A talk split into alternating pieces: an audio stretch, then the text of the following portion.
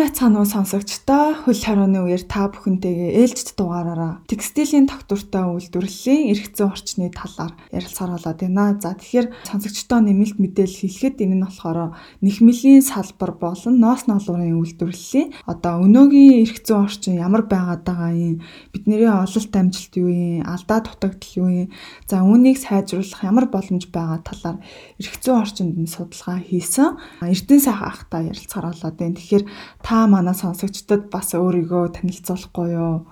За сайн байна уу. За намайг Эдэн сайхан гэдэг Монголын байгаль орчин аюулгүй байдлын төв төрийн бас байгууллагын тэргүүн хүн байна. Манай энэ байгаль орчин аюулгүй байдлын төв төрийн бас байгууллага маань 2008 онд байгуулагдсан. Ер нь бол одоо байгаль орчны тэнцвэртэй байдал, байгаль орчны бохирдыг бууруулах, э, шин техник технологи нэвтрүүлэх чиглэлээр арга сургалт сурчлагаа явуулах, танин мэдүүлэх ийм одоо зорилготойгоор байгуулагдсан төрөмсөө бол байгаамаа. Тэгээ манай байгууллага нэхэмжийн тогтвортой үйлдвэрлэлийн төслийн одоо хамтрагч байгууллага нэг байгаа. Энэ ажлын хүрээнд одоо бид нар нэхэмжийн салбарын үйлдвэрүүдийн үйл ажиллагааг тогтвортой байлгах, байгаль орчинд ээлтэй байлгах чиглэлийн одоо төслийн үйл ажиллагаанд дэмжлэг үзүүлээд явж байгаамаа. Тэгэхээр хоёулаа яриагаа текстилийн тогтвортой үйлдвэрлэлийн одоо хууль эрх зүйн орчны өнөөгийн нөхцөл байдал байгаль орчин нийгмийн эдийн засгийн асуудлуудыг нь одоо харгалзан үзсэн байдсан болов та энэ талаарх мэдээллийг бидэнд хүргээч. За тэгээ энэ ноос ноолорын үйлдвэрлэлийн эрхэм очныг ярихаас өмнө би бас нэг энэ ноос ноолорын үйлдвэрлэл маань ер нь манай эдийн засагт нийгэмд ямар өрөвштэй өргөжтэй бас тавчгаа хэлхэн зүйтэй хаа. За би энэ өөртөө чинь ярьцдаг эхлэхийн өмнө бас нэг хэдэн тоо баримтууд үзлээ. Тэгэхээр 2019 оны тоо баримтаар мэдээд 2020 оны тоо баримтаар гарт тусааг байгаа шүү дээ. 2019 оны статистикийн тоо баримтаас үзэхэд бол манай энэ ноос ноолор уран бүтээгдэхүүн түүхийд дотроо ноос ноолруу нөгөө угаасан ноос ноолруу зам нэхэмлийн бүтээгдэхүүнүүд бол энэ хоёрт бас энд орж явдаг юм байна. Том одоо аган бүтээгдэхүүн угаасан ноос ноолруу гэхэд одоо экспортод гарсан тоо хэмжээг нь үзэхэд 196 сая Америк долларын одоо бүтээгдэхүүн экспортод гарчээ. Энэ маань одоо нийт экспортын бүтээгдэхүүн 2.7% байна. Нэхэмлэн бүтээгдэхүүн бол 36.7 сая Америк долларын бүтээгдэхүүн гарсан. Энэ маань 0.5%. Хэдийгээр одоо уулуурхаан бүтээгдэхүүн манайх чинь голцоо түүхийдээ гаргаж байгаа шүү дээ. Энийний жин баг гэсэн ч гэсэн одоо манай стратегийн ач холбогдолтой бүтээгдэхүүн байгаа. Манай мод аж ахуйн уламжлалт орны хувьд бол малын энэ түүхийд бол одоо гол ач холбогдолтой. Энийний ард одоо 170 гаруй мянган одоо мачин өрх бай. 60 гаруй мянган малтай өрх байна. Эдний амжиргаа бол энэ ноос ноолуур дээр тогтж байдаг. Энэ хамгийн тодорхой зүйл байдаг. Энэ утгаараа ноос ноолуурын одоо бүтээгдэхүүн ноос ноолуурын үйлдвэрлэлд Монгол оронд хүнш орчноо авч явж байгаад хамгийн чухал ач холбогдол салбар болж байгаа гэдгийг хэлчихье. Тэгээд ерөнхийдөө энэ ноос ноолуурын үйлдвэрлэлийг тогтвортой хөгжүүл, үржтэй байдаг, цэвэр технологи нэвтрүүлэх, бохирдол бууруулах чиглэлээр одоо манай эрх зүйн орчин ялангуяа одоо эрх зүйн орчны хамгийн дэд чинь бодлого байгаа шүү дээ. Салбарын бодлого гэж явж байгаа. Журам гэдэг ингээд салбарын бодлого гэдэг ингээд явж байгаа. Энд бол одоо манай хууль тогтоолууд бол маш сайн тусгал орж өгсөн. Өөрөөр хэлбэл хэдэн зүйлээс товчхон ярихад үндэсний аюулгүй үзэл баримтлал гэж байгаа том бодлого бичиж байна. Энэ дээр эдийн засгийн аюулгүй байдал дотор стратегийн ач холбогдолтой баялагын салбарт Европын холбооны стандарт нийцүүлж хөгжүүлнэ гэдэг болцсон байна. Өөр ингээд стратеги ач холбогдолтой гэдэг маань үстэй ноос доллар орж.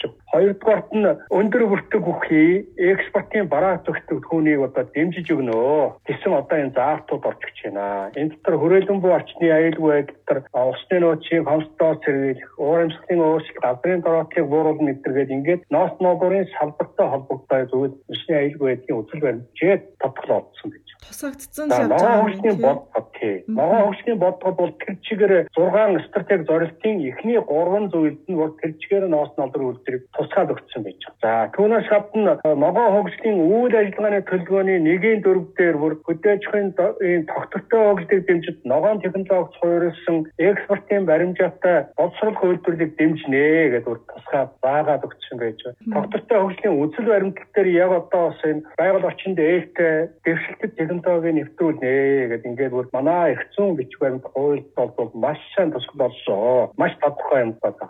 Гэтэл одоо бас Үүнээс гадна салбарын эрхцэн орчин ноос ноодор хөтөлбөр дээр энэ чиг дээр бүр наривчлаад маш сайхан туцгаад өгсөн байж. Тэгээ ерөнхийдөө эрхцэн одоо дээд төвшний буюу хууль эрхцэн хуулийн төвшөндөө бодлогын төвшөндөө энэ маань маш сайн тодорхой заагдаад өгсөн байна. За нөгөө талаас дөрөн журмынхаа хэрэгжүүлэх газар дээр нь одоо бууж энэ ноос ноодорын үйлдвэрүүдэд бүр одоо яг дагаж бүр ширээний гарын авдаг болох төвшөндөө манайх юм байхгүй ч гэдэг. Яг хэрэгжил талаас бол яг яг хэрэгжүүлэх талаас юмуд маань маш их дутагдaltaй байна. Аха аха. Энд нэлээд хэдэн хүчин зүйлүүд байгаа. Аа за. Нэлээд олон хүчин байна. Юу гэхээр хэдийгээр энэ хуулинд энэ үзэл баримтлуудаа ингээд тодорхой заагаад өгсөн ч гэсэн цаашгаа хэрэгжүүлэх механизм болсон дөрвөн журмуудаа энэ маань босч өгөхгүй болчиход байна. Үзэл баримтлал маань тунхаглын шанартай болчиход байна. Аха. Энийг яг хөршин дээр бууруулах тэр журм дөрвөн журмууд маань тийм нарийн төвшөнд гарч ирэх болохгүй байгаа. Энэ дөрвөн журмыг боловсруулахын тулд урдсан судалгаанууд айлшгүй шаардлагатай. Энэ судалгаа маань олон талтай ноос долларын үйлдвэрчнийг олон чиглэлийн юм орж ирж байгаа шүү дээ. Байгалийн нөөц баялагийг их хэмжээгээр ашиглаж байгаа. Юу гэхээр одоо хамгийн түрүүн усыг цэвэр усыг хэмжээгээр ашиглаж байна. Цахилгаан ашиглаж байна. Дулаан ашиглаж байна. За тэгээд юунаас гадна нөгөө түүхий ноос ноолоор ашиглаж байна. Энэ бүх байгалийн нөөц баялагийг ашиглаж байгаа энэ зохицуултууд маань жоохон хоорондоо авцалдаа, ховлдоо багтаа болчиход. Эндээсээ бас хэм хамаарат байна. Нөгөө талаас энэ ноос ноолуудын үйлдвэрүүдийн үндсэн суурьуд маань социализмын үеийн одоо техник тоног төхөөрөмж, барилга байгууламж дэд бүтцүүд байж байгаа. Одоо энэ хотын нөгөө нэг дэд бүтцийн тулгуурсан юм байгаа шүү дээ. Энэ маань байгальд очиж байгаа бохирдол энэ гарч байгаа бохирдын хэмжээг тооцсон энийг бууруулах арга хэмжээ технологид нь тусч өгөөг. Тэгэхээр үндсэн дэд бүтсэн социализм үеийн маань яваад байдаг. Гэтэл одоо энэ манай ноос ноолорын үйлдвэрлэлийн явцад их хэмжээний ус ашиглаж байгаа. Их хэмжээний бохор ус ялгаач байгаа. Ус ашиглаж байгаа. Игдээ манад тодорхой хэмжээгээр одоохондоо усны нөөц нь гайгүй байгаа даа тэр үнэн хямдхан байгаа болох тэр усны хэрэглээг тоохгүй байгаа.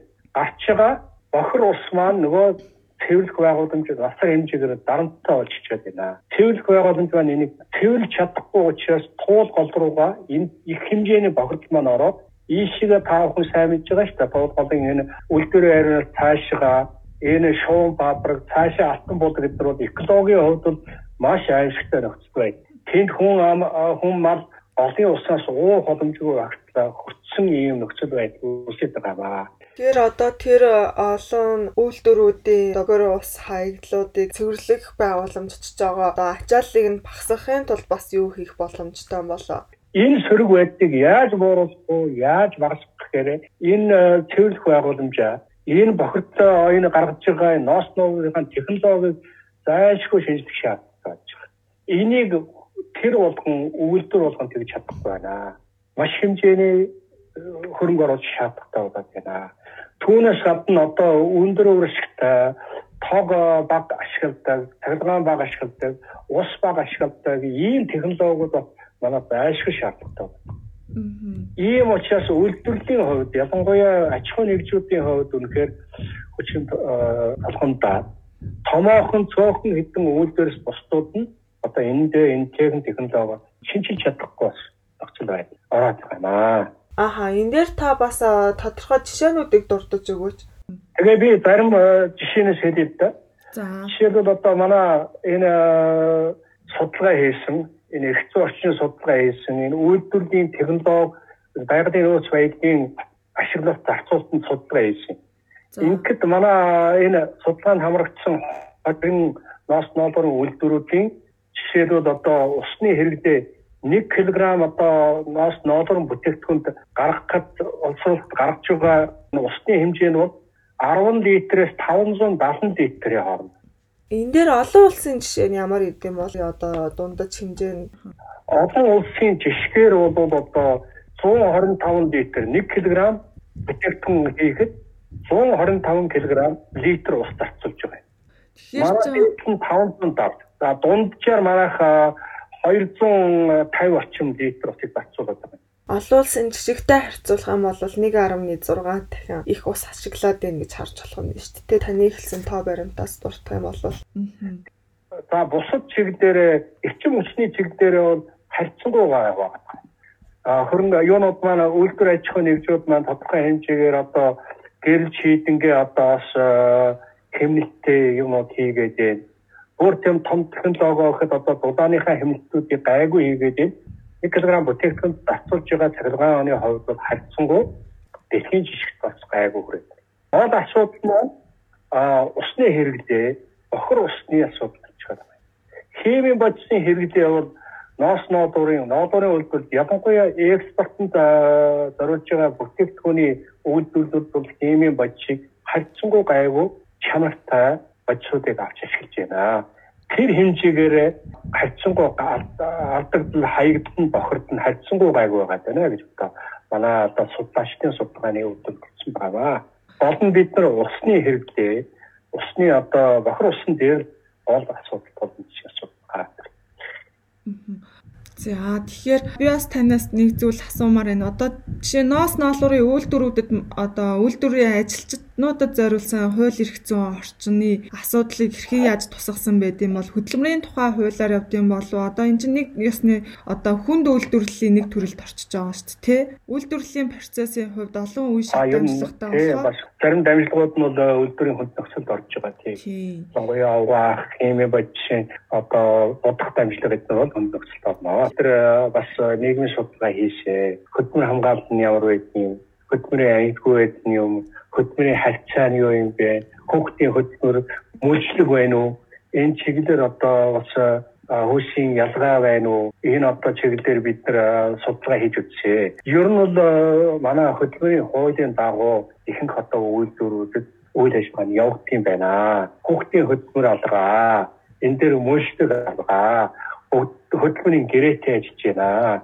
Энэ талаараа бол харин хөдөлмөр хамгааллын хувьд бол харьцангуй үйлдвэрүүд маань тогтмолсон тодорхой үйл ажиллагаа явуулсан байна. Энэ чиглэлээр манай нийгмийн судалгаа бол мэдээж дутагдaltaй юм гэж юу яах вэ? Гэхдээ ерөнхийдөө харьцангуй гайгүй болсон байгаа байна энэ. Гол асуудал маань одоо байгалийн нөөцтэй эдгийн ашиглах бохирдын чиглэлээр цэвэр технологи, технологийн үр ашгийг нэмэгдүүлэх чиглэлийн юмнууд бас судалгаанд гарч ирсэн. За тэгэхээр судалгааны үр дүнгээс гарсан сайн жишээнүүдийг та нарт сонирхуулж өгөөч. Одоо хууль эрх зүйн орчны алдууштай тал нь юу байсан бэ? Ололт амжилт нь юу байсан бэ энэ судалгааны? За судалгааны явцад нэлийн хэд хэдэн үйлдвэрүүд бол юм тодорхой хэмжээгээр дэлхийн түвшинд хүрсэн. Одоо энэ төслийн үндсэн зорилгын нэг нь энэ Монголд байгаа ноос ноогуурын үйлдвэрүүдийн үр ашгийг нь сайжруул энэ бүтээгдэхүүнийг нь Европын холбооны зах зээл гаргахад дэмжлэг үзүүлэх гэдэг байгаа шүү дээ. Бүх талын дэмжлэг үзүүлэх чиглэлээр.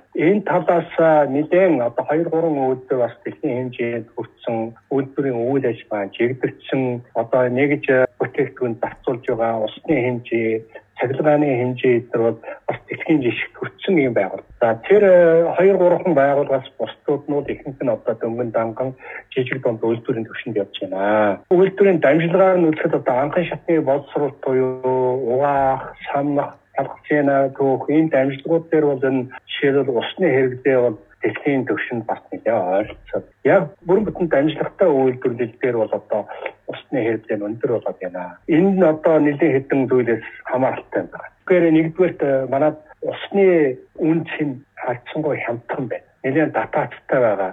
Тийм учраас нөгөө талдаа энэ үйлдвэрлэлийн 1 кг бүтээгдэхүүн боловсруулахад усны хэрэглээний зардал нь одоо байгалийн нөөцийн хэрэглээний зардал нь ерөөсөө 0-оос 0.35% болж байна. Тэгэхээр ерөөсөө усыг хэрэглэж байгаа мөртлөө тийм хямдхан бага байна гэдэг чинь хэрэглээ маань дэндүү усны үн чинь маань дэндүү бага байна гэсэн үг байхгүй юу? Нөгөө талаас Монгол улс усны нөөц багтай. Гэтэл одоо бид нар дандаа гүнийхээ усыг авчиршглаад байдаг. Энэ талаас бас улсын зохицуулалт байшгүй шаардлагатай. Усны үн чинийг нэмэгдүүлэх ёстой. Энэ Монгол улс чинь зөвхөн бидний амьдралаар дуусахгүй цаашдаа бидний өөрөө үг, тэдний өөрөө үг гээд цаашгаа олон сая хүн маань энэ усыг тогтвортой хэрэглэхийн тулд одооноос бид нар усаа хэмнэж явах ёстой. Энэ утгаараа усны үн чинийг нэмэгдүүлэх зайлшгүй шаардлагатай байна. А одоо шууд нэмэгдүүлнэхээр энэ үйлдвэрлэлүүд бас тодорхой хэмжээгээр дан болох гэдэг. Аха энийг яг төрийн бодлогын зүгээс юу гэж авч юм болоо яг бодлого дээрээ одоогийн үйлдвэрлэлийг тогтвортой байх талаас энэ төрийн бодлого маань бас ажлын байр бий болох энэ наснуудын үйлдвэрлэл тогтвортой байх талаас тэгж нэмж чадахгүй байна. Гэхдээ нөгөө талаас бас энэ үйлдвэрлэгчд маань ухамсарлаж усны хэрэглээгээ багасгах чиглэл дээр хөрөнгө оруулалт ажиглах шаардлагатай байна. Энэ чиглэлийн одоо дөрвөн журмууд, урамшуулал, даатгал, татвар төлбөрийн механизм маань ус дутуу байгаад байна. Хуулийн төвшөндөө, бодлогын төвшөндөө бүх юм сайхан байдаг. Дөрвөн журмын төвшөндөө юмуд нь аюул дутуу байгаад байна. Энэ хэд хэдэн хүчин зүйл байна. Нэгдүгээр юу гэхээр энэ Монгол улсын төрийн яам агентлагуудын залгамж чанар нь дутагдaltaй болчиход байна. Тухайлбал одоо э, ногоон хөгжлийн бодлого гарч явах үед аж үйлдвэрийн яам гэж байсан 2014 онд. Тэр аж үйлдвэрийн яам маань алга болоод одоо тэр маань хоёр хуваагдаад явчихсан. Нэг нь хөнгөн үйлдвэрийн яам болоод одоо нэг эрчим хүчний яам руугаа яваад нөгөөх нь болох тэр хүнстэй аж ахуйн яам руу хөнгөн үйлдвэр маань ингэ явчихсан. Гэтэл одоо энэ дээр зааж өгсөн тодорхой хэрэгжүүл ёстой дөрм журмуудыг гаргах яам нь аж үйлдвэрийн яам гэдэг. Ингээд нөгөө хариуцах юм байхгүй болчих. Тэр энийг цааш нь ингээд түлхээд аваад явах тийм инхнээс сул болоод хариуцлага нь өгөхөд явчихлаа. Хоёрдугаард энэ яам хоорондын уялдаа холбоо муутай байна одоо нас ноолын хөтөлбөр дээр тэр боловсруулсан бүтээгдэхүүний хэмжээ 60% төргнэ. Тэртэй адилхан одоо байгаль орчин аял жуулчны яамны ногоон хөтөлбөр дотор мөн адилхан тусгацсан. Энийг хэрэгжүүлэхэд тулд гардан хэрэгжүүлэх энэ дөрвөн журмын сайн боловсруулах, хөнгөлтийн арилжихын тулд энэ хэдэн яам маань хоорондоо хамтарч ажиллах хэрэгтэй. Энэ дээр ерөөсөө дандаа салбарын чиглэлийн явцсан үйл ажиллагаа явагдаад байгаа учраас гарч байгаа дүрм журм маань дандаа салбарын очиход байна. Дэндүү явцсан очиход байна. Гэтэл одоо нас номбрын үйлдвэр чинь маш олон чиглэлийн юмуд авч гэж байгаа шүү дээ. А үйлдвэрлэлийн одоо номбр дээр хөдөө аж ахуйн чиглэлийн ханган нийлүүлэх юмнууд ороод ирнэ. Ус хэрэгжилж авах дээр байгаль орчны яам дээр гарч харьяалтай болж Ингээд э, энэ олон юмнуудыг хооронд нь уялдуулсан дүрм журмаа гарч.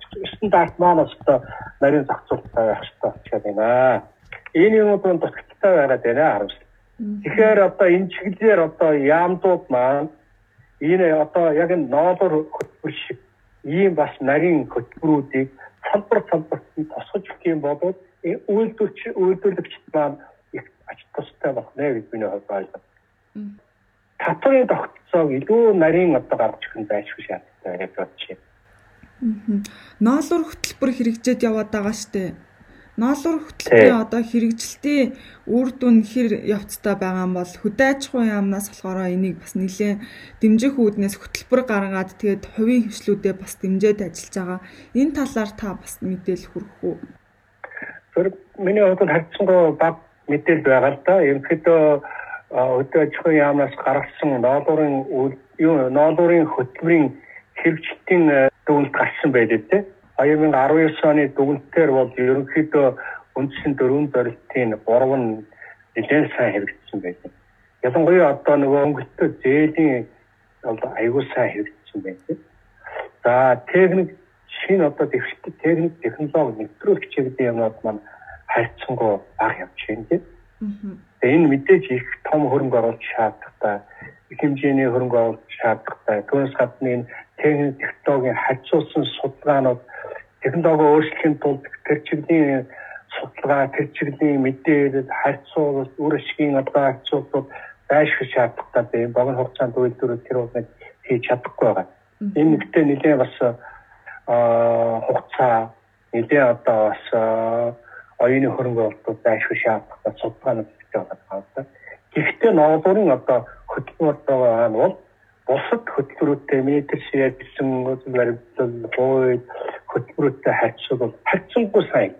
Үр дүнтэй хэрэгжиж байгаа тийм. Тэгж болохоор тийм. Тэгэхээр энэ чиглэлийн хөтөлбөрүүд ийм одоо яг энэ салбаруудад чиглэсэн хөтөлбөрүүд бол манай бол их шаардлагатай байна гэж би бодод байна.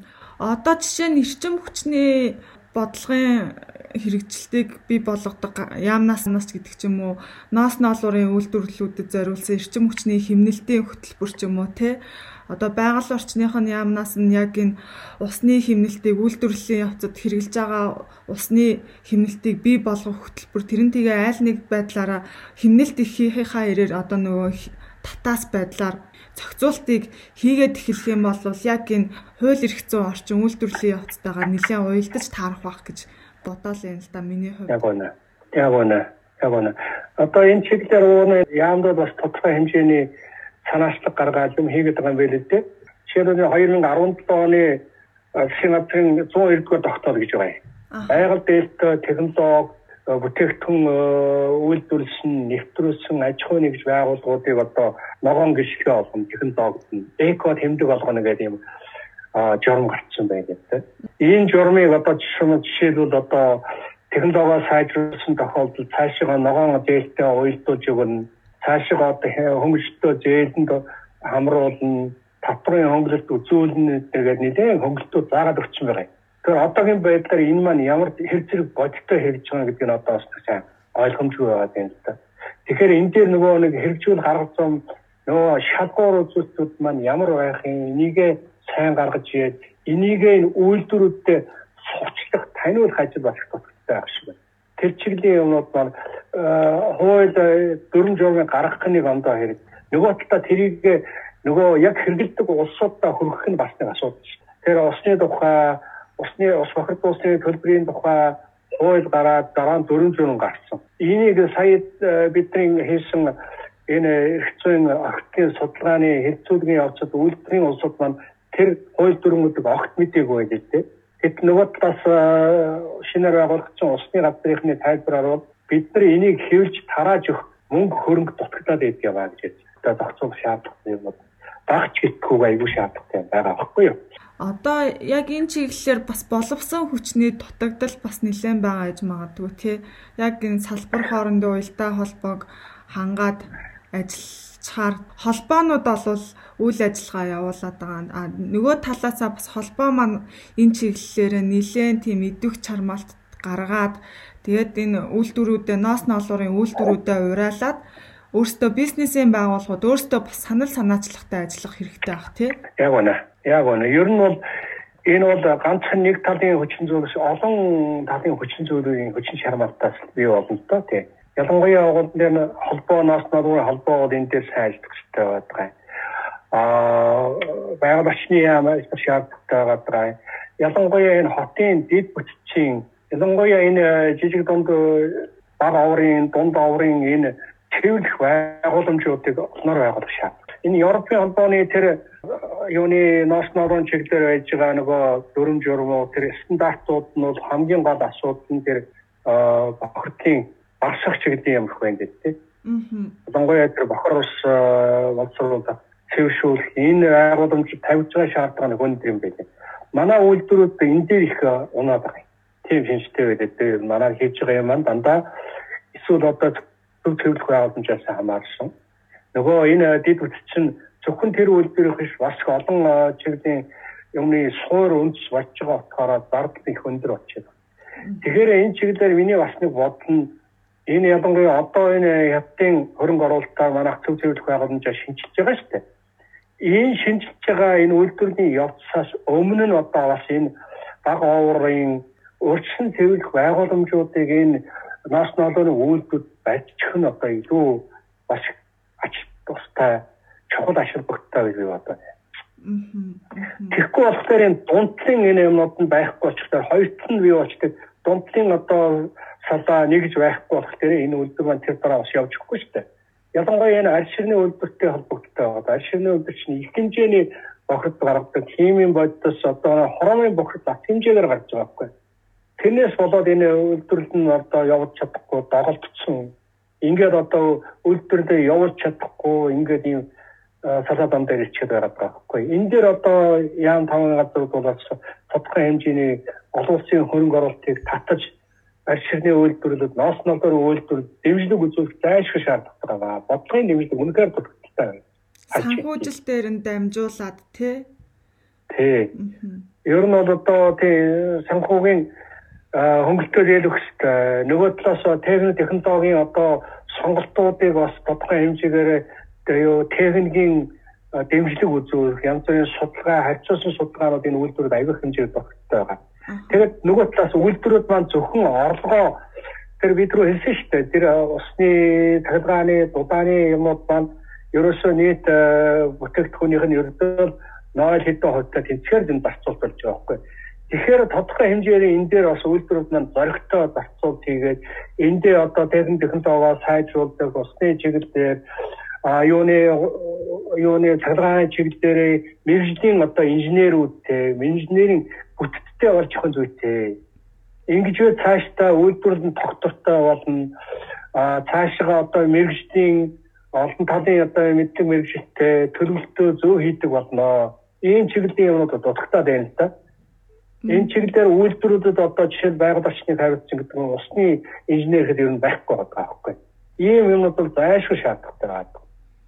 Энэ чиглэлийн одоо урамшуулал энэ тогтолцоо энэ ялангуяа хууль дүрмд журамдаа бас сайн босгож хэрэгтэй болж байна. Одоогийн байгаа татварын хөнгөлөлт маань жишээлбэл зөвхөн барилгын салбар, зөвхөн эрчим хүчний салбарт байна шүү дээ. Барилгын салбарт одоо нөгөө ногоон барилгын чиглэлийн стандарт нь боловсруулагдаад одоо ямар зааврууд нь боловсруулагдаад юмуд нь гадны санхүүжилтийн инфраструктуртэй холбоод өгч юм. Эрчим хүчнийхний дэ холбож өгч нөгөө сэргэгт гिचх мөчний юмнууд нэлээд орж ирж байна. Яг энэ шиг одоо энэ яг энэ боловсрол хөлбөрийн хөнгөн үйлдвэрийн чиглэлүүдийг ялангуяа энэ малын түүх түүхийдийг боловсрол энэ үйлдвэрүүдтэй бас томоохон анхаарал тавиад орхон зайлшгүй шаардлагатай байна.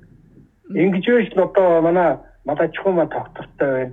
Энэ түүхийд чигээр нь гарахгүй дотооддоо нэмэн өртөг үйлдвэрлэдэг болчихноо. Бас дараагийн нэг айгүйх чухал асуудал маань энэ үйлдвэрүүд маань бас цаашаа түүхэн эдээ авахтаа бас мачтаа шаардлага тавьдаг хэрэгтэй байна. Энэ ямааны тоотлогоо хэтгснээс болоод манай цөлжилт гадрын дороотлол гэдэг аюултай болчиход байна шүү дээ. Хэрвээ одоо энэ цөлжилт бичээрийн дороотлол ихсээд байх юм бол мал байхгүй болно, бичээрийн мал байхгүй болно гэсэн нь олж доллар үйлдвэр байхгүй болно гэсэн. Ийм айхтар гинжин хэлхээ холбоо байгаад байна. Ийм болох тэрэ зөвхөн нэг талыг дэмжихгүй бүгд талын өргөн хэмжээтэй дэмжих ёстой. Бүгд талууд бүгдээрээ идэвхтэй оролцох байлшгүй шаардлагатай байгаа гэдгийг би Таны хэлдгээр яг энэ тогтвортой ноос ноолуур нэхмэлийн салбар маань оролцогч тал их олонтой болцоод байна л да. Түүхийд бэлтгэлээс нь ахуулаад хэрэглэгчдийн гар дээр хүрэх яг тэр үе шат процесс болгоно нь одоо олон салбарыг хамарсан нэг тийм дундын нэг яг нэг салбарын асуудал биш олон салбарын асуудал болж харагдал юм л да. Тэгэхээр салбар хоорондын уялдаа холбоонууд бас нэлээд сайн байх хэрэгтэй юм шиг харагдаж байна. Дээрээс нь яг энэ хангалттай байгаа одоо хууль дүрм журам бодлогоо яг хэрхэн яаж одоо хэрэгжүүлэхийн тэгээ яг хэрэгжилт талаас нь та бас дутагдaltaй байна гэсэн энэ дээр бас нэг бизнесийн байгууллагууд нь ч юм уу өөрсдөө яг хичээл зүтгэл гаргаад тий тэгээд яг энэ холбоонууд нь бас тэр холбоонд байгаа үйлдвэрлэлүүдэд бас урайлаад манлайлаад явал бас энэ ажил маань нэлээд бас цаашаага үр дүнтэй ажил болох юм шиг харагдаж байна л да. Яг зөв. Яг зөв. Тэгээ манай Петро дээ энэ яамдууд маань гэсэн их явцсан их шиг үйлдвэрлэлийн салбарууд ч гэсэн маань явцсан явцсан их шиг яваад байна. Манай их зүйн орчин маань яг тэрэн дээр үндэслээд Тэгээд юмнууд нь яг бүрэн болж чадахгүй. Зүгээр энийг яг систем гэсэн байдлаас авч үзэх юм бол зайлшгүй шаардлагатай. Энэ сүүлийн үеийн дэлхийн нийтийн хандлагууд ерөөсөө салбар салбараар нь биш одоо энийг ерөөсөө нэг систем. Системийн тий. Хариуцлагын механизм зайлшгүй шаардлагатай болж шүү дээ. Тэр утгаараа энэ хэрэглэгч нар одоо энэ ноос нодорын бүтээгдэхүүний хэрэглэж байгаа хэрэглэгч нараа өөрсдөө аюул өндөр шаардлага тавьдаг болсон байна тэр шаардлагыг хэрэгжүүлэхийн тулд зайлшгүй одоо бүх талуудын оролцоо үнээр чухал байна. Үнээр шаардлагатай байна. Тэгэхээр энийг одоо их зүйн орчин бий болгож байгаа хууль тогтоогч нар бол энийг ялангуяа энэ судалгаа хууль дүрм журмыг гаргахын өмнөх одоо судалгаа нөлөөлийн судалгааг одоо маш сайн чанартай хийх шаардлагатай байна. Энд бол одоо бүх талын оролцоонууд, мэрэгжлийн холбоодууд, ялангуяа ноос дорын холбоо бас хэмжээд сайн эд зүтгэл гаргаж орсон зогстой. Ерөнхийдөө сая татвар хөнгөлөлт тэр урамшууллын механизм гэтээр манай ерөөсөө 5 уран гарын 5 уран багтахаар юм болчиход байгаа. Энэ чиглэлийн энэ татвар урамшууллын механизмуудаа өшөө тодорхой болж байна. Тэгээд түүнээс гадна энэ манай хөтөлбөр янз бүрийн дүрм журм боловсруулж штэ. Хууль боловсруулж энэ маань дандаа ардтаа хөрөнгө байхгүй байна. Манай ерөнхийдөө энэ яам дуудч төр яам хаач гэсэн ямар нэг хөтөлбөр гаргахтаа ардын санхүүжилтийн нь их усруудын тодорхой болгочоо тэнтэй уйлдуулж явахгүй болох дээр зүгээр таасан дээр юм болчиход байгаа байхгүй. Яа ингээ бодтой хэрэгжүүлэх дээр цаана төсөв байхгүй. Ийм нэг том дутагдал одоо бас газар газарт нь байгаад байна. Тэгээ энийг хамгийн гол нь тэгээд би сүүлд нь юу гэж хэлэх вэ гэхээр ерөөсө дутагдлыг шүүмжлэх юм бол маш их олон юм. Хамгийн гол нь бид нар энийг шүүмжлэхийг зөв ажил хэрэгч хөвөж хүлээж аваад ажил хэрэгчээр энэ шүүмжлэлд засах ажлыг салбар салбар чиглэл чиглэлээр хийх шаардлагатай байна. Хамтарч ажиллах хэрэгтэй байна. Тэгэхээр одоо ямар шийдэл байж болох вэ? Та бас өмнө дээр жишээ дурдвал. Бохор ус хэмжээгээр гарч байгаа. Нэгдэж бүтээгдэхүүн болж байгаа усны хэмжээ их ногдож байгаа. Үүнтэй холбогдуулаад энэ бохор усаа э, цэвэрлэх технологид хөрөнгө оруулалт хийгээд цэвэрлэх байгууламж барьдаа гэхэд одоо энэ цэвэрлэх байгууламжаас цэвэрлэх гамж руу гарч байгаа энэ цэвэрлсэн бохор усыг хэмжих одоо дэд үтс манай дутагдaltaй байна. Одоо энэ усуугаа удирдах газраас одоо энэ үйлдвэрүүдийн бохор усны хэмжээг нь тооцохдоо зөвхөн цэвэр уснаас нь тоо. Хэдэн одоо литр хэдэн метр хөв цэвэр ус ашигласан байна. Тэндээс нь шууд бохор усын тооцож. Энэ маань нөгөө үйлдвэрүүдийг эргээд одоо бохор ус цэвэрлэх байгууламж хөрөнгө оруулалт хийгээд одоо а юу болоод байна хаа бишээ болж байна. Тэгэхээр энэ дээр одоо энэ бохорсны тоолорыг одоо тавьж өгдөг, энэ хэмждэг, ингэдэг юм механизм зайлшгүй шаардлагатай болоод байна. Тэр нь дотроо нэг урсгал усаар урсгалаар нь гаждаг энэ бохор усны тавьдаг тоолоо даралтаа усантай тавьдаг тоолоо гэж юм байна та. Энэ чиглэлээр энэ хөрөнгө оруулалт хийх чиглэлээр бас нэгэн хүчин шаргал гарсан юм байлээ. Нэгэн технологийн өндөр хорог оруулах шаардлагатай байдаг гэж би сонссон ойлгосон. Энэ юмнуудад одоо улсаас тодорхой хэмжээний хүч хөрөнгө тавьж зааж өгөхгүй болоод энэ бохор усаа цэвэрлэхэд одоо энэ дан үйлдвэрүүд бол чадахгүй нэ. Энэ чиглэлээр дэмжлэг үзүүлэх шаардлагатай байна гэж би бас хэлье. За энэ удаагийн дугаараар AVSF Монгол байгууллагаас хэрэгжүүлж байгаа текстилийн тогтвортой үйлдвэрлэл ба эко тэмдэг төслийн хүрээнд байгаль орчин аюулгүй байдлын төвийн Эрдэнэ сайхан ах маань яг энэ хууль эрх зүйн орчны талаар хийсэн судалгааны үр дүнгээсээ биднэр танилцууллаа. Оролцсонд баярлалаа. За баярлалаа дүүдээ. За тэгэхээр энэ удаагийн дугаар маань энд хүрээд өндөрлж байна. А дараагийн дугаар хүртэл түрэг баяртай.